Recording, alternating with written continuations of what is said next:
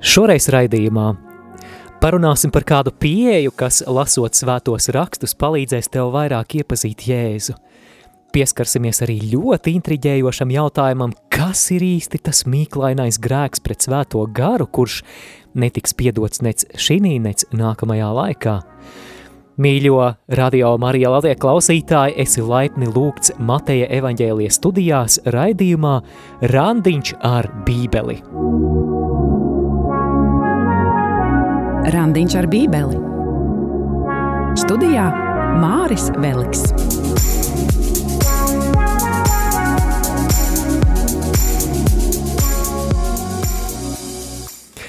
Lai slavēts Jēzus Kristus, esiet sveicināti mīļie klausītāji un arī skatītāji. Šoreiz mums fragments no Mateja evaņģēlija 12. nodaļas no 14. līdz 32. pantam, bet eh, kamēr jūs meklējat šo fragmentu, tātad Mateja 12 no 14 līdz 32, es eh, vēlos arī par dažām praktiskām lietām parunāt, jo Mīļo radio klausītāji, tev no klausītāja šobrīd ir iespēja kļūt arī par skatītāju. Vari sekot līdzi šim raidījumam gan video tiešraidē Facebook lapā Randiņš ar bībeli, un YouTube kanālā Radio Marija Latvija tiešraides. Un noteikti, noteikti neiz, neaizmirstiet arī ielaikot šos kanālus un piesakot tiem, lai vienmēr tad jaunumus saistībā ar Radio Marija un Randiņu ar bībeli konkrēti jūs saņemtu. Jā, lai palīdzētu šim un arī citiem radio Marija Latvija raidījumiem aizsniegt vairāk cilvēku, es un noteikti mani kolēģi no sirds būsim pateicīgi, ja ielaikosiet un nošērosiet. Un arī droši rakstiet komentārus, jo vairāk būs komentāru, kaut vai kāds viens vārds, jo vairāk cilvēkus tad šis materiāls, šī sludināšana arī aizsniegs un palīdz radio Marija augt, jo, ja šobrīd mums neiet varbūt tik viegli ar frekvenču dabūšanu, tad viens no veidiem, kā mēs varam aizsniegt iespējami vairāk cilvēku, ir padot šos raidījumus tālāk, protams, ja atzīstat tos par vērtīgiem, Bet, eh, mīļo radio klausītāji, lai patiešām šis raidījums būtu vērtīgs, lai tas būtu Dieva svaidīts, mēs vispirms iesāksim ar lūkšanu. Dieva tēva un dēla un svētā gara vārdā. Āmen!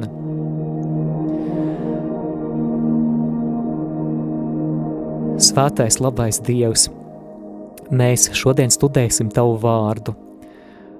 Un, kungs, ļauj mums šodien šim vārdam pieiet nevis kā kādam tekstam, kuru varbūt esam simtiem reižu dzirdējuši, bet, kungs, ar patiesām godbības trīsām ļauj mums uzlūkot šo tekstu kā tevis iedvesmotu vārdu, kā vārdu, kurš ir dzīves un iedarbīgs, kurš ir asāks par apusgriezīgu zobenu. Un paveic mūsos šodien caur savu vārdu to, ko tu vēlies izdarīt. Jo tu nesūti savu vārdu tukšā, bet, kungs, mēs lūdzam, lai šis vārds mūsu sirdīs nes augļus – Kungs, mēs lūdzam, lai šis vārds mums ļauj iepazīt Jēzu Kristu mūsu pestītāju un arī palīdz mums iet svētuma ceļu caur Jēzu Kristu mūsu kungu. Āmen! Svētais Matei lūdz par mums! Vēlēs labāk iepazīt svētos rakstus, bet nezini, ar ko sākt? Raidījums Randiņš ar bībeli ir tava bībeles studiju iespēja, dinamiska, mūsdienīga un baznīcai uzticīga studē Bībeles grāmatas kopā ar savedēju Māri Vēliku.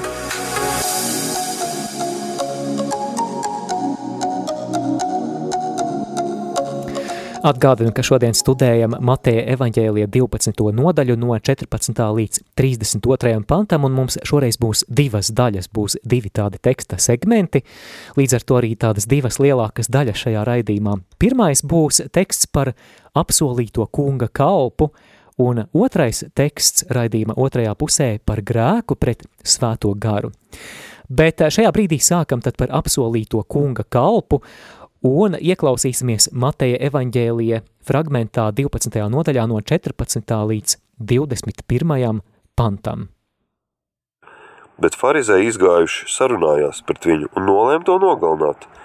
Bet Jēzus to nomanīdams aizgāja no turienes un daudz ļaužu viņam sekoja – un viņš tos visus dziedināja. un tiem piekodināja par viņu nevienam nestāstīt, lai piepildītos pravieša Iesais sacītais vārds. Redzi mans kalps, ko es esmu izredzējis, mans mīļais, pie kā man laba veselē labs prāts, es likšu uz viņu savu garu, un viņš pasludinās tautām tiesu. Ne viņš bārsies, ne brēks, ne arī dzirdēs ielās viņa balsi. Ielūzušu niedri viņš nesalauzīs, un kvēlojošu degli viņš neizdzēsīs, līdz taisnību novedīs pie uzvaras, un tautas cerēs uz viņa vārdu. Tagad klausītāji kopā preparēsim šo vārdu. Atcerēsimies, ka iepriekšējā raidījumā mēs runājām par to, kas notika pirms, nu pat dzirdētā teksta, proti Jēzus sabata dienā dziedināja kādu cilvēku ar nokaltušo roku, un atcerēsimies, ka tā farizeju reakcija bija nikna, kā viņš tā atļaujas sabatā to darīt, un mēs lasījām, ka farizeji apspriedās, lai viņu nogalinātu. Atcerēsimies, ka jau iepriekšējās Mateja evaņģēlie nodaļās mēs varējām nomanīt kādu pretestību pret Jēzus darbību. Ne visi uz urrā uzņem to, ko Jēzus sludina, un arī viņa paveiktos brīnumus un zīmes. Un um, šajā 12. nodaļā, šajā Jēzus opozīcijā ir tāds kā pagrieziena punkts jo šobrīd farizēji apspriežās, lai viņu nogalinātu. Tātad šis ir tas brīdis, kad tiek pieņemts lēmums par nāves spriedumu Jēzumu, un, kā mēs redzēsim arī turpmāk, atpakaļ ceļa vairs nebūs. Mēs zinām, kā tas piepildīsies Golgātas kalnā, kur Jēzus atdos savu dzīvi pasaules pestīšanas labā.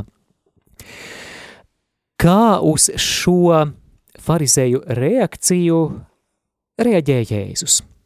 15. pantā mēs lasām, ka Jēzus zinādams to, aizgāja no turienes. Jā, Jēzus aiziet maliņā, viņš negrib tā apzināti provocēt un iesaistīties šajā lietā, viņa stunda vēl nav pienākusi. Jēzus labi zina, ka viņš atdos savu dzīvi par pasaules atpirkšanu, bet šis vēl nav tas īstais brīdis. Tādēļ viņš aiziet projām no šīs konfrontācijas un turpina kalpot. Mēs tālāk lasām, ka daudzi sekoja viņam, un viņš tos visus izdziedināja. O, klausītāji, man ļoti patīk šie vārdi visus izdziedināja. Sākumā, kad es lasīju šo tekstu, es domāju, nu vai tikai te nav kaut kāda tulkojuma nianse, jo reizēm kaut kas pazūd vai atkal uzrodas tulkojumā tāds, kas nav atrodams oriģināla tekstā, tad nu es arī paņēmu oriģinālu tekstu, man ir mājās sengrieķu valodā bībele, jaunā derība, un Un tur patiešām ir rakstīts, ka viņš visus dziedināja, kā eterapeusen autūs pantas, proti tos visus dziedināja. O, kungs, kā es ilgojos pēc tādas atmodas Latvijā, kad mēs biežāk uzdrošinātos viens par otru aizlūgt. Un, kungs, es ticu, ka, ka tad, kad mēs to darīsim, mēs arvien biežāk redzēsim zīmes un brīnumus. Kungs, arī šajā brīdī Es vēlos ļauties tavai iedvesmai un, un arī svētīt klausītājus, kuriem ir kādas veselības problēmas. Kungs, lūdzu pieskaries Jēzu, dziedini, kungs, no vēža, dziedini no artrīta, no depresijas, no šizofrēnijas, no, no kādām kaulu problēmām, muguras sāpēm. Jēzus Kristus vārdā, lai tas viss aiziet projām. Kungs, dari savus brīnumus arī šī raidījuma laikā, arī turpmāk, kad es runāšu, Kungs, es lūdzu atraisi savu pārdabisko klātbūtni. Tālāk, 16. pantā mēs lasām, un viņš, proti Jēzus, pavēlēja, lai tie viņu neatklāja. Tālāk evaņģēlists Matejs runā, ka ir kāds ļoti svarīgs iemesls, kādēļ tad Jēzus aicina nereklamēt viņa kalpošanu. 17. pantā lasām – tas ir, lai izpildītos pravieša īsaja vārdi, kas saka. Un tālāk, kā tu nojaut, tad būs patiešām pravieša īsaja fragments, un ja konkrētāk, tad, tad pravieša īsaja, jeb jēsaja fragments no 42. nodaļas no 1. līdz 4. pantam. Bet te, mīļo klausītājs, vēlos kādu atgādinājumu izdarīt, jo, ja esi klausījies randiņus ar bībeli jau iepriekš, tad iespējams būsi pamanījis, cik bieži evaņģēlists Matejs savā Jēzus dzīves aprakstā iekļauj kādas atsauces uz vecās derības rakstu vietām. Tos bībeles pētnieki sauc par tā saucamajiem piepildījuma jeb formulas citātiem. Proti, kādas vecās derības rakstu vietas, kuru piepildījumu evaņģēlists Matejs un arī vēlāk kristīgā baznīca saskata tieši Jēzus Kristus darbībā un personā. Kāpēc tā? Kāpēc šie vecās derības citāti un nu mums vēl viens citāts veseli četri panti no pravieša Jesaja grāmatas? Un šeit es vēlos atgādināt to, ko mēs jau randiņa ar bībeli visa cikla pašā iesākumā runājām vispārējā pārskatā par Mateja evaņģēliju. Klausītāji, vai tu atceries, kas ir evaņģēlista Mateja galvenā mērķa auditorija? Kas ir tie pirmie Jēzus dzīves apraksta adresāti? rakstot par Jēzus darbību, par viņa notikumiem, par viņa nāvi un augšām celšanos, kurus cilvēkus īpaši paturprātā evaņģēlists Matejs. Un atcerēsimies, ka tie ir jūdu izcelsmes kristieši. Tātad tie, kas ir pieņēmuši Jēzu kā mesiju, bet kuru izcelsme ir no jūdiem, tātad tie ir cilvēki, kuri ir elpojuši un dzīvojuši šajā vidē, kurā vecās derības teksti ir pašsaprotami un pazīstami, tie, ir, tie tiek nodoti tālāk no paudzes paudzē, un tad, nu, lai parādītu šiem evaņģēlija adresātiem to, ka Jēzus patiešām ir vecajā derībā aprakstītais mesija, evaņģēlists Matejs savus tautiešus mēģina uzrunāt viņiem saprotamā valodā, proti izmantojot vecās derības tēlus un sižetus un motīvus.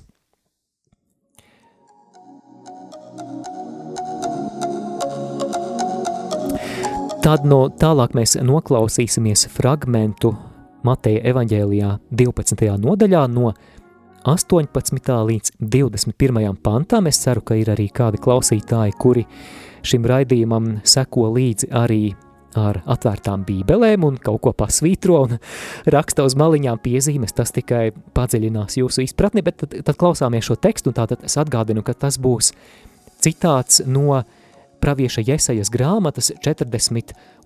nodaļas. Tad, lai Edmunda balss skan. Redzi mans kāps, ko es esmu izredzējis, mans mīļais, pie kā man labu dveselē labs prāts, es likšu uz viņu savu garu, un viņš pasludinās tautām tiesu. Ne viņš bārsies, ne brēks, ne arī dzirdēs ielās viņa balsi.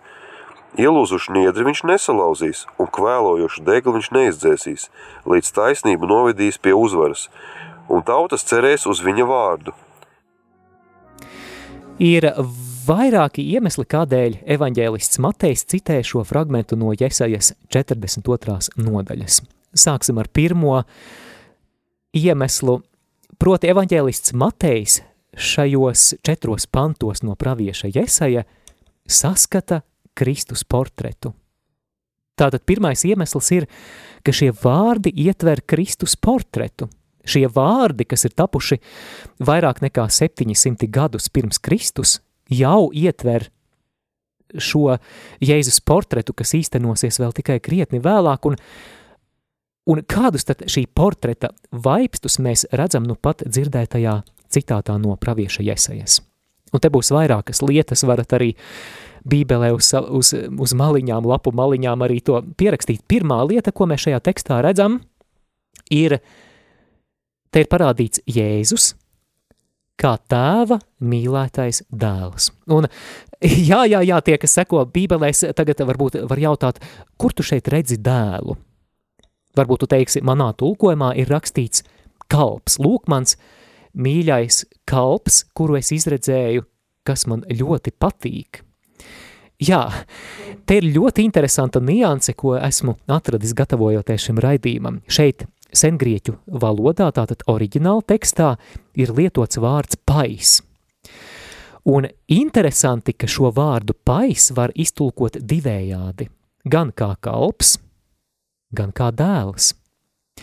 Un ja mēs šo tekstu iztulkotu, lietojot šo vārdu dēls, tad sanāktu apmēram tā, un ieklausoties šajos vārdos, pamēģini atcerēties – kur kaut ko līdzīgu Mateja evaņģēlijā mēs jau iepriekš esam dzirdējuši. Tātad šis ir mans dēls, kuru es izredzēju, kas man ļoti patīk.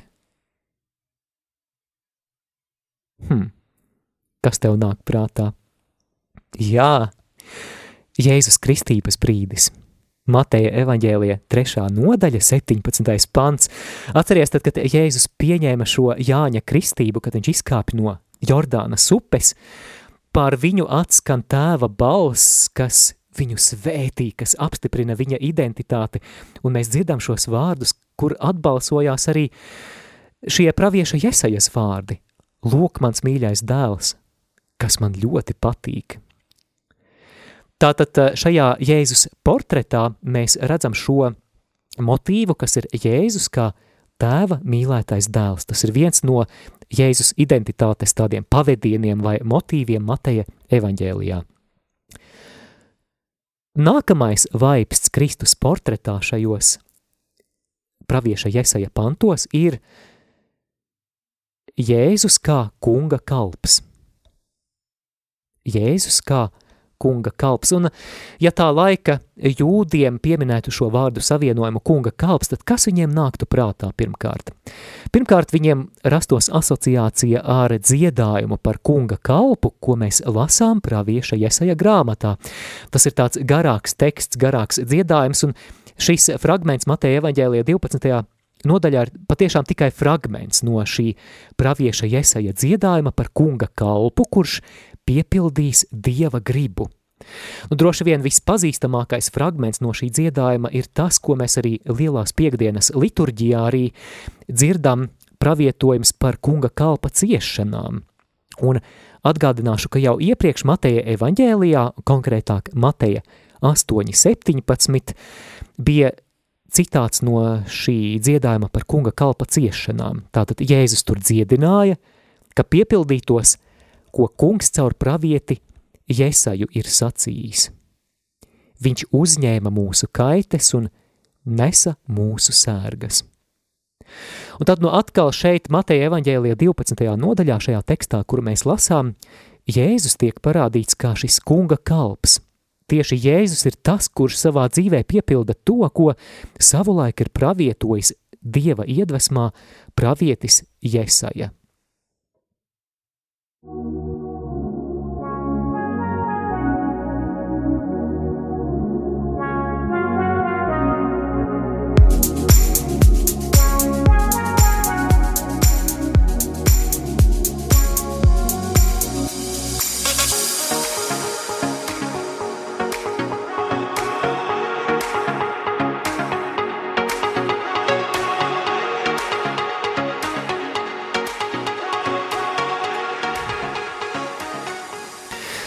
Tātad šajā tekstā Kristus portretā mēs redzam Jēzu kā tēva mīlēto dēlu, Jēzu kā kunga kalpu un vēl kāds trešais motīvs – Jēzus kā svaidītais ar svēto garu.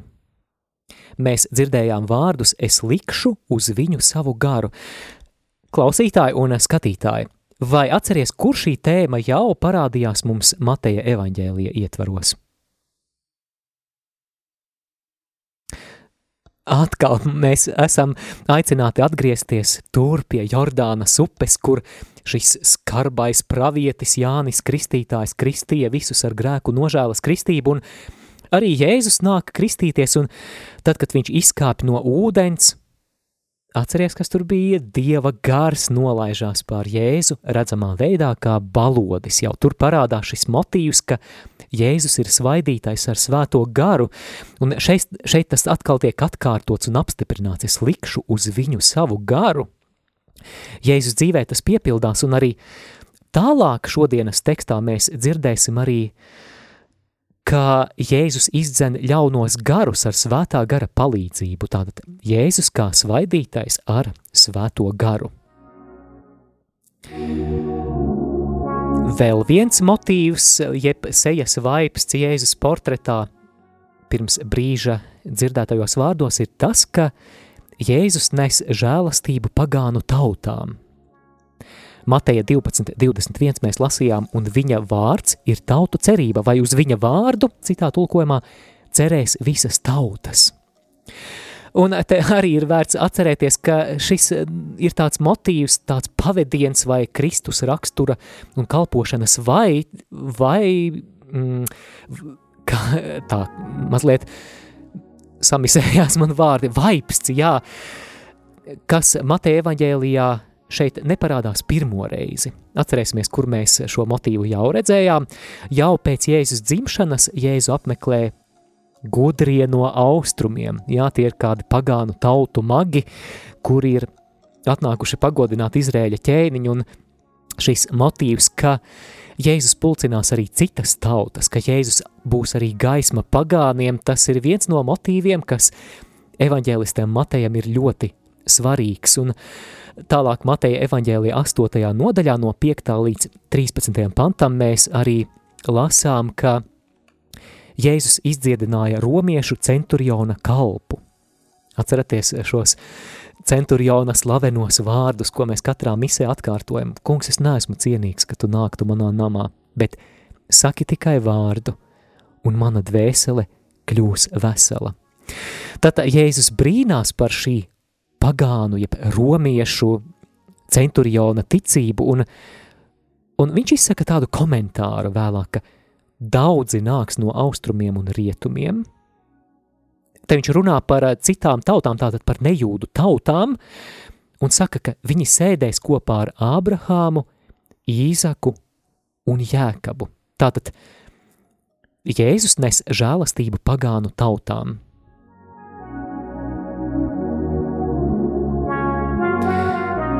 Vēl viens eh, Jēzus sejas vaipsts šajā portretā, ko no pravieša Jesaja, pravie, tātad evaņģēlists Matejs citē savā, e, savā evaņģēlijā 12. nodaļā.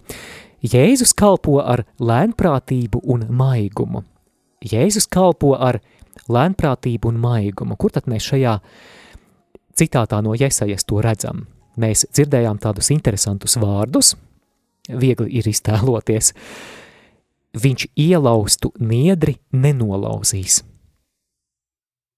un kvēlošu degli neizdzēsīs.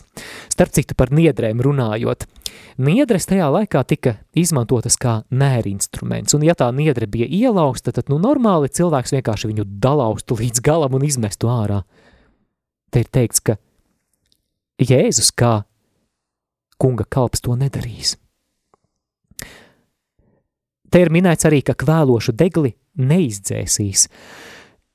Varbūt, zini, kā, kad eļas lukturītī tas deglis izdeg, kļūst tāds melns, un tad, tad tas kvēp, un iet, ir dūmi, un liesmas vairs īsti nekādas nav, un tā normālā reakcija ir tāda, ka mēs vienkārši, huh, ka mēs nopūšam to, bet Jēzus kvēlošu degli neizdzēsīs. Kā to saprast, un kur Mateja evaņģēlijā mēs to redzam iepriekš? Atcerēsimies, ka Jēzus, nu tā, tādās metaforās runājot, kalpo ielūzušām niedrēm un kūpošiem degļiem. Proti tiem, ko tā laika pēdiņās pareizie, paštaisnie vienkārši atstūma. Tie ir muitnieki, prostitūtas un citi grēcinieki, kurus Jēzus pulcina. Un atcerēsimies, ka Mateja evaņģēlija 9. nodaļā 12. pantā Jēzus saka šos slavenos vārdus – Nevis veselajiem vajag kārsta, bet slimajiem. Tad no saistībā ar šodienas tekstu mēs to varētu pārfrāzēt tātad nevis veselām niedrēm, nevis normāliem degošiem degļiem ir vajadzīgs ārsts, bet tiem, kas ir slimi. Un šajā brīdī, mīļo klausītājs, vēlos iedrošināt tevi, ja arī tu jūties kā tāds kūpošs deglis vai salauzta niedre – Varbūt tev ir tā sajūta, ka tu esi tik ļoti attālinājies no Dieva. Varbūt tev ir tā sajūta, ka tu, tu esi tik ļoti sasmērējies, ka esi kļuvis Dievam netīkams, ka Dievs ir no tevis novērsies, ka tas, ko Jēzus gribētu izdarīt, vienkārši pārlaust vispār tevi uz pusēm vai nopūst. Uf, nē, viņš kvēlojošu degli nenopūtīs – Viņš ielaustu niedri nesalauzīs. Tas runā par to maigumu, to mīlestību, ar kādu Jēzus noliecas pār mums, grēcīgiem, trausliem un vājiem cilvēkiem. Jēzus ir kungs, kurš vienmēr dāvā jaunu iespēju. Jēzus ir labais gans, kurš ir nācis, lai sapulcinātu grēciniekus, lai sapulcinātu pazudušās savis, un cik interesanti, ka evaņģēlijā, arī iepriekš Mateja evaņģēlijā 9. nodaļā mēs to redzējām, ka tie grēcinieki vienkārši pulkiem plūst pie Jēzus, un ja Jēzus būtu tāds skarbais sludinātājs, kurš vienkārši dot pa bunģām un, un tā, ka, ka visi, kas viņu dzird, vēlāk jūtās vainīgi un ieiet kaut kādos kompleksos, droši vien tā nebūtu. Bet tā, tā ir šī Jēzus sirds mīlestība, kas uh, kas pat tiem, kas it kā pēc apkārtējā sabiedrības sprieduma nav dieva cienīgi, viņi sajūt to, ka, ē, bet, bet šeit es esmu pieņemts. Un tad saskarsmē ar šo dieva neaprakstāmo apbrīnojamo mīlestību, viņa mainās, viņa piedzīvo atgriešanos. Tas nav tā, ka Jēzus teiktu, nu jā, jā, turpini grēkot un, un tā, nē, bet, bet šī saskarsme ar, ar Jēzu, kurš viņus mīl, kurš viņus uzlūko ar maigumu, ar līdzjūtību. Tā dziedina šī, šī dieva mīlestības, beznosacījuma mīlestības pieredze ir tā, kas atbrīvo, kas dāvā atgriešanās žēlastību, kas motivē novērsties no vecajiem grēcīgajiem ceļiem. Tādēļ, mīļo klausītāji, ja tev šķiet, ka tu pats sevi esi norakstījis, un ja tev šķiet, ka varbūt Dievs tevi ir norakstījis, tā nav. Dievs tevi ļoti, ļoti, ļoti mīl. Vienkārši ļaujies viņa mīlestībai. Kungs, es lūdzu, nāc svētais gars pār ikvienu radio klausītāju, kuri šobrīd jūtās kā ielaustas niedres un kā kūpošas daktis.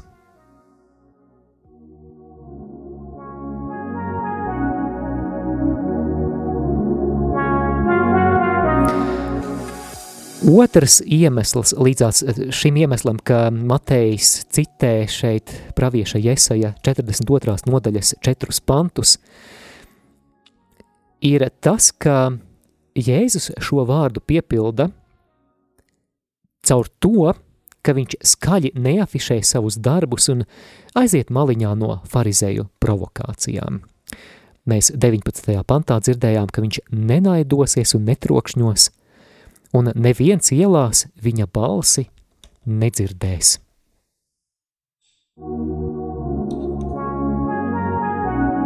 Kā dzirdētais attiecas uz manu dzīvi?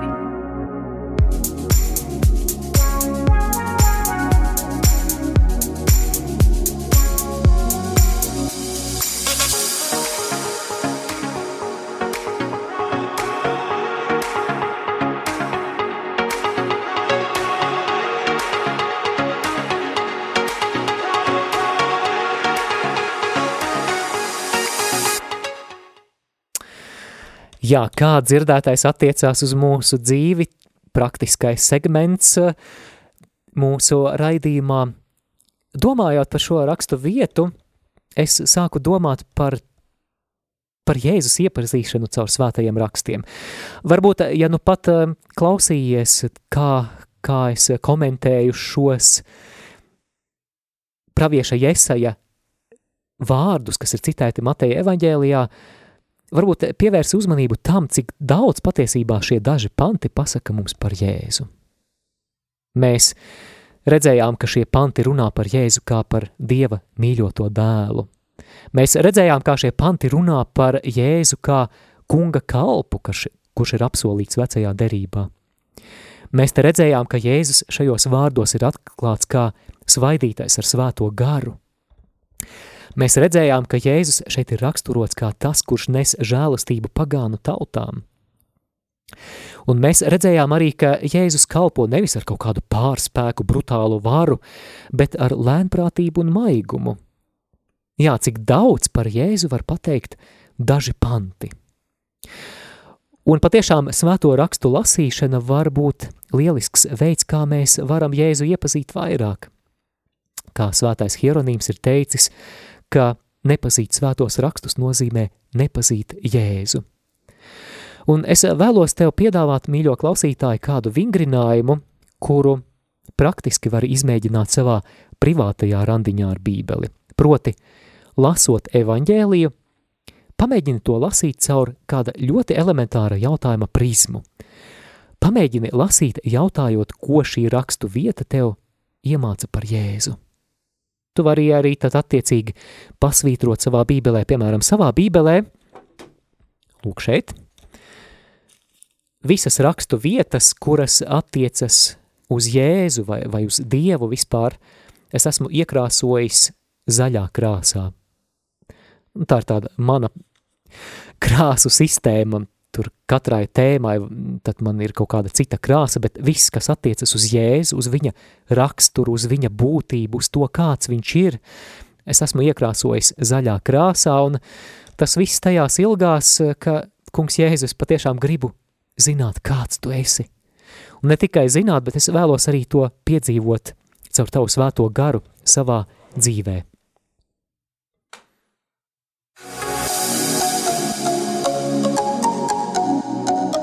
Skan randiņš ar bībeli.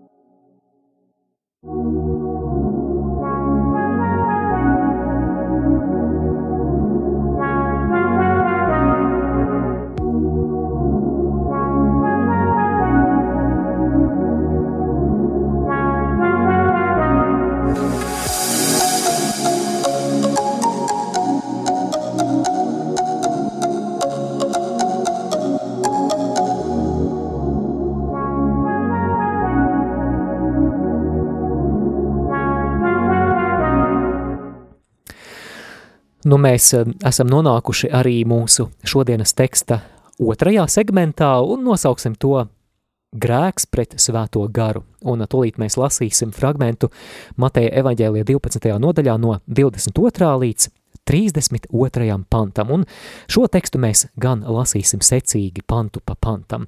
Un sāksim ar 22. pantu. Tad viņam pienes aklu un mēmu, ļauna gar apsēst, un viņš to dziedināja. Tā kā mēmais atkal runāja un redzēja. Jā, tātad vēl viens dziedināšanas brīnums, vien, vēl viens atbrīvošanas brīnums.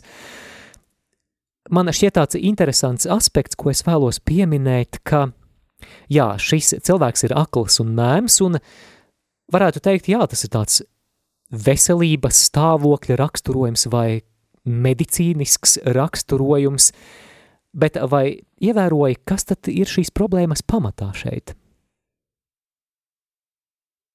Ļaunā gara klātbūtne. Jā, reizēmais medicīniskas diagnozes var stāvēt arī garu pasaule, reizēm arī kādi simptomi, kas atgādina slimību, var būt eh, aplūkojami garīgās cīņas kontekstā. Un šeit uzreiz piebilde, ka, protams, nevienmēr nav aiz katras slimības jāsaskata ļaunā gara darbība, bet ir dzirdētas daudzas liecības, ka ir, ir tie tādi mistiskie brīži, kad, kad ārsti nevar noteikt diagnozi, kad nav skaidrs, kas, kas tad ir cilvēka veselības problēma pamatā, un, un ir dziedināšanas liecības par dziedināšanām, kas nāk tieši caur atbrīvošanas lūkšanu. Tātad, jā, lūk, tāda neliela atkāpīta par šo tekstu, ko, manuprāt, ir vērts atgādināt, un es domāju, ka tas tev varētu noderēt, ja tu gribēsi arī aizlūgt par kādiem cilvēkiem, un varbūt svētais gars, kurš dot arī garu atpazīšanas dāvanu, arī kādā brīdī var norādīt, ka šeit ir runā, ar atbrīvu, runa par atbrīvošanas lūkšanas nepieciešamību. Kas notiek tālāk? Kā reaģē uz šo brīnumu tauta? Lasām 23. pantu. Un visi ļauds iztrūkās un sacīja, vai šis nav Dāvida dēls? Jā, Dāvida dēls bija viens no mesijas, jeb dieva svaidītā apzīmējumiem. Un šajā laikā arī gaidas par mesijas nākšanu bija saistītas ar pārliecību, ka mesijam būs vara izdzīt ļaunos garus. Dāvida dēls nu, tādā tiešā nozīmē bija ķēniņš Salomons, kuram piedēvēja varu pār ļaunajiem gariem. Mēs to lasām, piemēram, Salomona gudrības grāmatā, 7. nodaļā, 20. pantā, un ķēniņš Salomons bija kā tāds priekštēls, jeb prototips mesijam – Dieva svaidītājam, kurš nāks un, kā mēs zinām, kurš ir piepildījies Jēzu Kristū.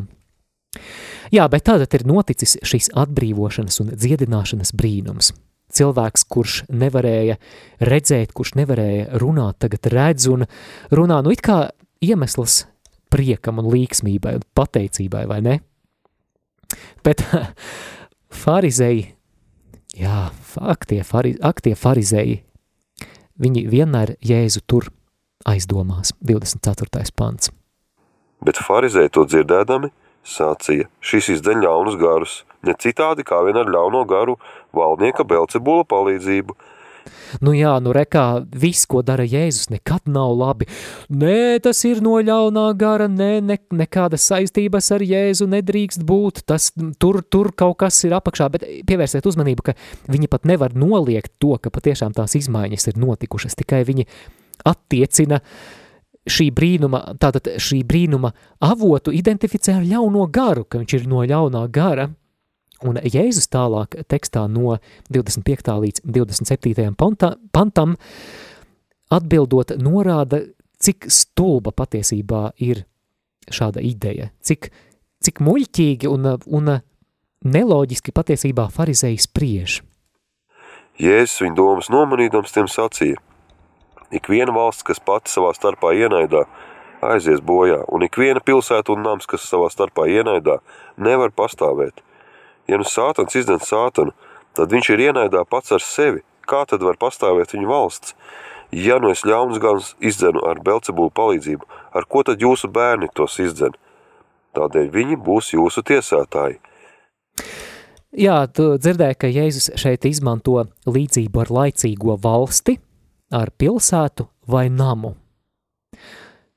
Mēs jau zinām, kādu postu nodara valstī iekšēja šķelšanās, ja ir pilsoņu kara situācija, kad tauta patiesībā pati sevi iznīcina, notiek tāda pašdestrukcija. Nu, iztēlosimies tādu nereālu, absurdu situāciju, ka tagad latgalieši uzbruktu kurzemē un mēģinātu visus slaktēt, savukārt kurzemnieki dodas maršā uz, uz Latgali un pa ceļam tad, tad cieši visi zemgalieši un vidzemnieki un, un Rīga. Nu, protams, absurda situācija, bet mēs, mēs zinām, ka, ka tās sekas ir nāves sekas, tad, kad valsts, valsts un tauta sevi ir sašķēlusies un no tādas tuvākā laika vēstures man nāk prātā, piemēram, Āfrikas valsts Ruanda, kura piedzīvoja to 94. gada genocīdu, kad viena cilts vienkārši iznīcināt sāka otru cilti, un ļoti ilgi tad tā atkopšanās notika. Vēl, vēl līdz pat šai dienai Ruanda nes šī genocīda un tā iekšējā pilsoņu kara, kara tādas rētas. Un tātad Jēzus tālāk runā arī par namu, ka nams, kurš ir sašķēlies, arī nevar pastāvēt. Nams ir ģimene. Un mēs zinām, kā ir, ja spriedze un konflikti ģimenē pieaug, ja sāk lidot šķīvji virtuvē, ja sāk viens otram virsū lidot lamu vārdi un apsūdzības, un ja tiek turēta dziļa nepiedošana, konflikti līdz baltkvēlei ir iekarsuši, un, un galu galā tas noved līdz šķiršanās procesam, un ģimene vienkārši izjūk, un cieš vīrs, cieš sieva, cieš bērni, tātad nams, kas ir sevī sašķēlies, nevar pastāvēt, un Jēzus izmanto šos argumentus, lai parādītu, cik liels absurds ir domāt, ka, ka sātans tagad kādam ir devis autoritāti nostāties pret viņa paša dēmoniem. Nu, stulbums kaut kāds. Tātad jūs, ko jūs domājat, ka sātans tagad ar revolveri ir sācis šaut sev kājā? Varbūt tēmēt sev uz deniņiem? Jēzus šādā veidā norāda uz šo farizēju argumentācijas absurdo raksturu. Randiņš ar bībeli. Savedējs Māris Veliks.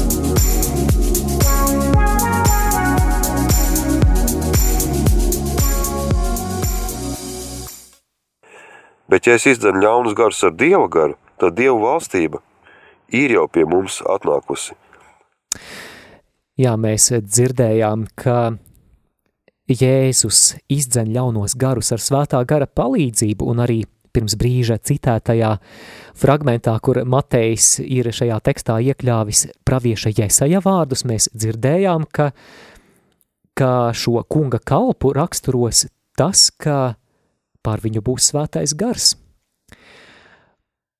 Un vēl kāds svarīgs moments. Arī viņš saka, ka ja jau viņš izdzen ļaunos garus ar dieva gara palīdzību, tad pie jums atnākusi dieva valstība. Mēs jau iepriekšējos raidījumos daudzkārt runājām par debesu valstību, kuru Jēzus atnes un atklāja šeit virs zemes. Atcerēsimies, ka šajās Mateja evaņģēlē pirmajās nodaļās Jēzus sludinātās vēsts centrālā doma ir, ka debesu valstība ir tuvu. Citiem vārdiem, tas, ka Jēzus kalpošanā parādās tas, ka ir sākusies Dieva aktīva valdīšana virs zemes. Un, kad Mateja evaņģēlija desmitajā nodaļā Jēzus dot arī evaņģelizācijas instrukciju saviem mācekļiem pirms nosūta viņus sludināt, viņš saka, ejiet un sludiniet, ka debesu valstība ir klāt. Un kā mēs redzam arī šajā evaņģēlijā, šī debesu valstība, tās klātbūtne atklājās arī ārkārtējās zīmēs un brīnumos.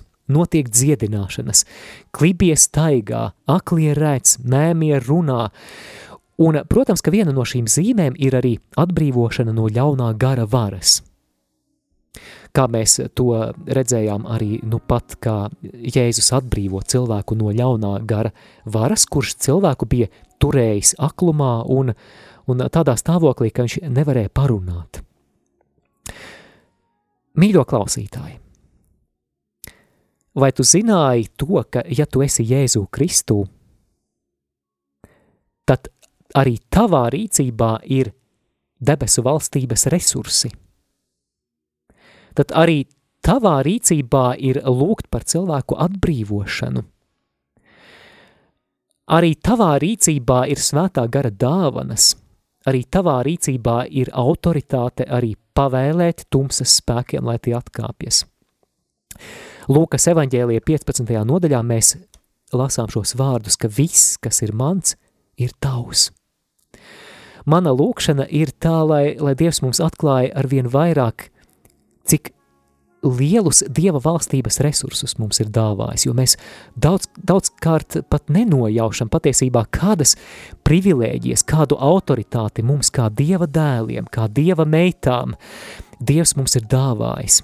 Mums, kas kristībā esam kļuvuši par ķēniņiem, praviešiem un priesteriem. Tātad notici šai autoritātei, ko Dievs tev ir devis, autoritātei dziedināt, izdzīt ļaunos garus. Un tālāk Jēzus tekstā skaidro savu ļaunā, ļauno garu izdzīšanas tehnoloģiju, ja mēs to tā varam nosaukt, un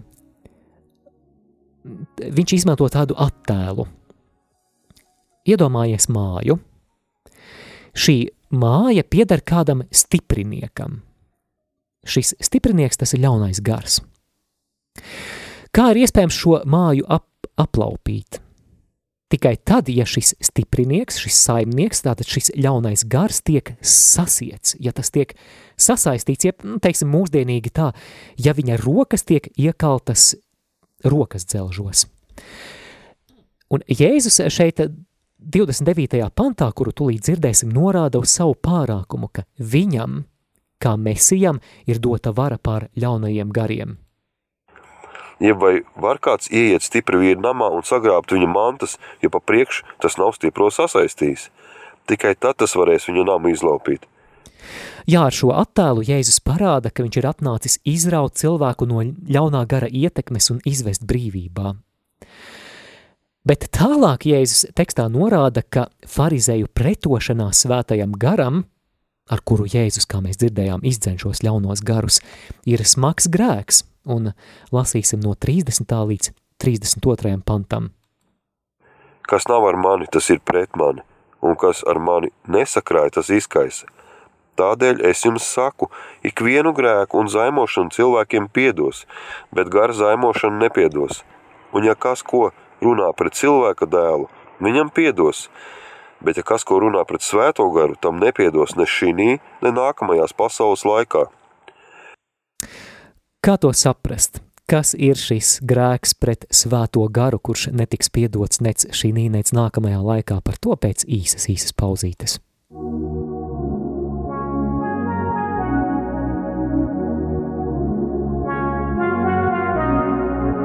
Uzmanību! Raidījums vedot klausītāju pa Bībeles dzīļu aizraujošajiem līkločiem, kur iespējams vēl nekad nav būts, var izraisīt nopietnu atkarību no privāta randiņa ar svētajiem rakstiem ikdienā.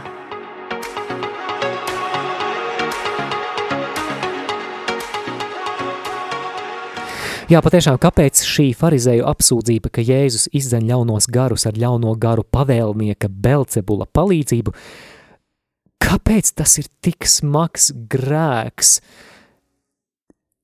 Pirmkārt jau tādēļ, ka farizēji dieva darbus piedēvē kam? Dieva lielākajam arhi ienaidniekam sātanam. Tātad apsūdzība, ka Jēzus izdzen ļaunos garus ar ļauno garu pavēlnieka palīdzību ir zaimi tādēļ, ka Dieva garu, svēto garu, viņi identificē ar ļauno garu. Un Jēzus saka, ka šāds grēks ir nepiedodams. Un, un te, protams, rodas tāds būtisks jautājums. Vai tad Dievs nav žēlsirdīgs? Vai tad Dievs arī to nepiedod? Un vai tad nu pat mēs arī nelasījām par Jēzu, ka Jēzus ielauzušu, iel, ielūzušu niedri nenolauzīs un tikko kvēlojošu dakti nenopūtīs? Kā to saprast? Vispirms jāsāk ar to, ka, protams, tas nenozīmē, ka kāds grēks būtu pārāk liels, lai Jēzus to piedotu. Jēzus piedod pilnīgi visus grēkus. Tas nenozīmē, ka Dievs negribētu piedot. Bet par ko šeit ir runa? Kas tad ir šis grēks pret svēto garu? Tas nozīmē, ka tie, kas izvēlas palikt pretestībā svētajam garam, noslēdz sevi tam pestīšanas līdzeklim, kuru Kristus vēlas viņiem dāvāt. Runa ir par svēto garu. Tātad runa ir par tādu apzinātu izvēli, ka es līdz galam, līdz pēdējam pretošos, un es neļaušos svētā gara dāvātajai žēlastībai.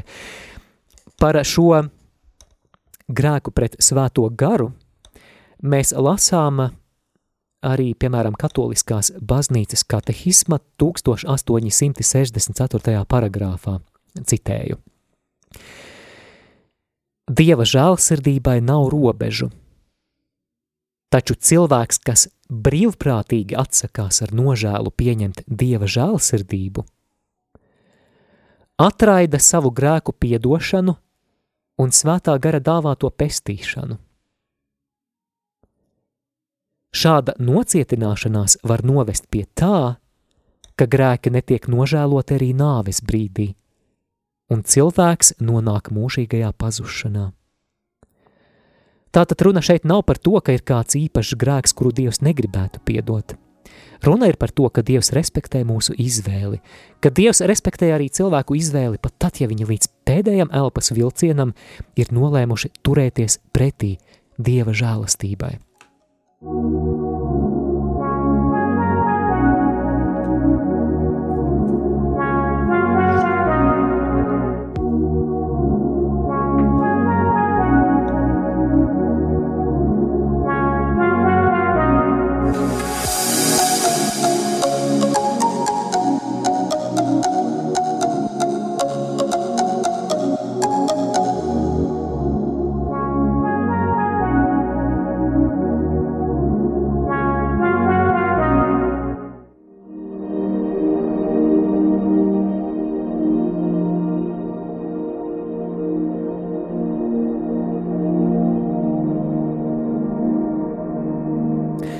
Raidījuma noslēgumā, mīļo klausītāji un skatītāji, lai noslēgtu šo tēmu par grēku pret svēto garu, pret šo apzināto noslēgšanos pret Dieva žēlastību, es, es vēlos eh, noslēgt ar, ar lūkšanu, jā, jo domājot, kā šis vārds attiecas uz tavu dzīvi, uz manu dzīvi, tad tās manas pārdomas bija šādas. Es, es padalīšos kādā sapnī Dievs, ko, ko man ir līdzis sirdī un daudziem, daudziem, daudziem kristiešiem. Viens no maniem sapņiem ir redzēt Latvijā garīgu atmodu. Es domāju, ka tas rezonēs arī tavā sirdī, mīļo klausītāji. Proti, kas tā atmoda būtu? Tas būtu patiesas atgriešanās laiks pie Dieva. Ka tas būtu laiks, kad svētā gara uguns nonāk atkal pār mūsu tautu. Kad atkal notiek zīmes un brīnumi un dziedināšanas, kad Dievs tiek likts pirmajā vietā, kad, kad grēcinieki izslāpuši vienkārši steidzas uz baznīcu, lai sūdzētu grēkus, lai pieņemtu svēto komuniju, Jēzus Kristus miesu un asinis. Es sapņoju par, par laiku, kad, kad visas draudzes, katoļu draudzes, protestantu draudzes, pareisticīgo draudzes, ir tik ļoti piepildītas ar svētā gara uguni, ka pat garām gājēji, ejot garām dievnamiem, vienkārši sajūt to svētā gara klātbūtni, kas viņus ved iekšā un kas viņus ved tuvāk Dieva sirdī, un es zinu, ka Dievam tas ir iespējams. Es zinu, ka daudzi cilvēki lūdz par šādu atmodu. Tā ir arī mana dedzīga lūkšana, un es, es ļoti gribu to piedzīvot, nevis tāpēc, ka es kaut ko interesantu gribu redzēt, bet es vēlos, lai Latvija tiktu glābta. Un es ļoti arī ilgojos, lai Radio Marija ir tāds instruments Dieva rokās, lai izplatītu šo atmodas uguni. Un tu jautāsi, kāds tam, ko es tagad saku, sakars ar šo tēmu par grēku pret svēto garu. Šis ir aicinājums uz lūkšanu par Latvijas atgriešanos, jo, jo daudzi cilvēki patiešām ir pozicionējuši savas sirdis tā, ka viņi saka, nu mums Dievu nevajag. Mēs paši varam, mums, mums pietiek, Bet tas nenozīmē, ka, še, ka, šo, ka šos cilvēkus Dievs ir atmetis. Dievs vēlas dāvāt atgriešanās žēlastību šiem cilvēkiem, ja vien viņi neturās pie šī sava principa, pie šīs savas nocietinātības līdz pēdējiem elpas vilcienam, kad jau būs par vēlu.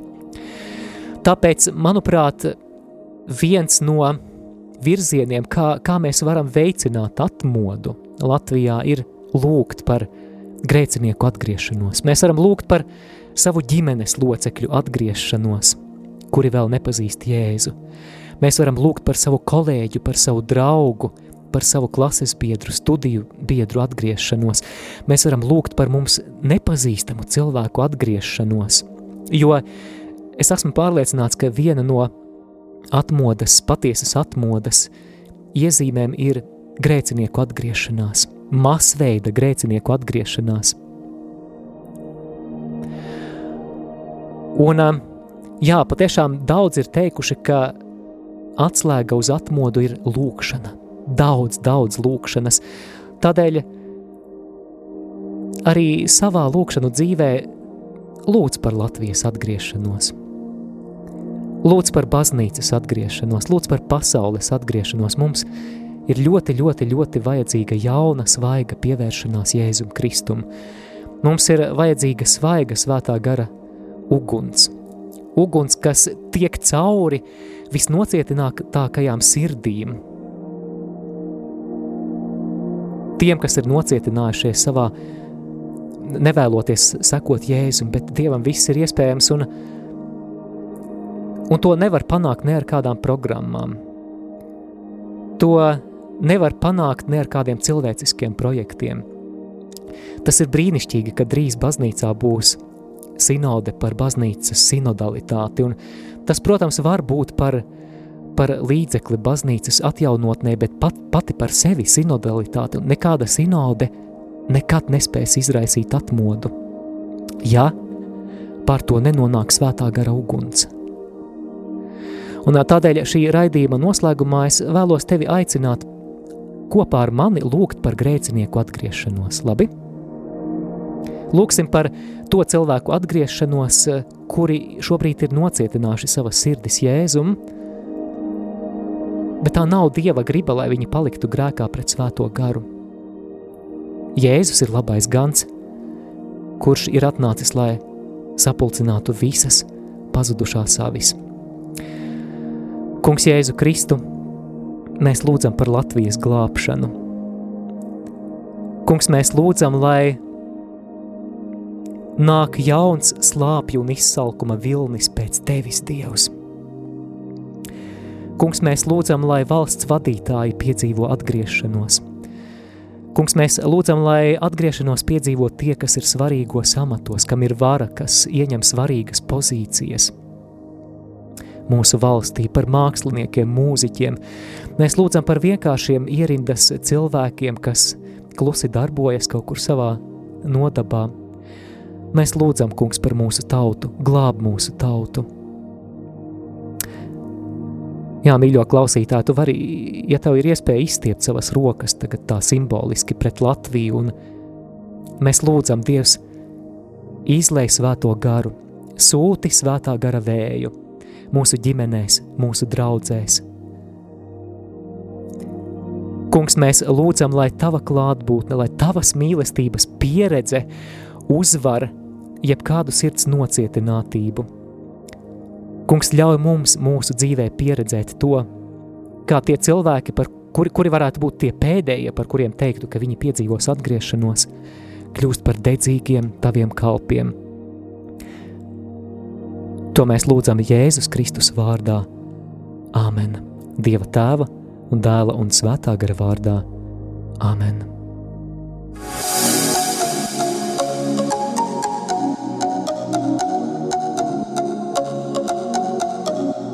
Jūs klausījāties raidījumu Randiņš ar Bībeli.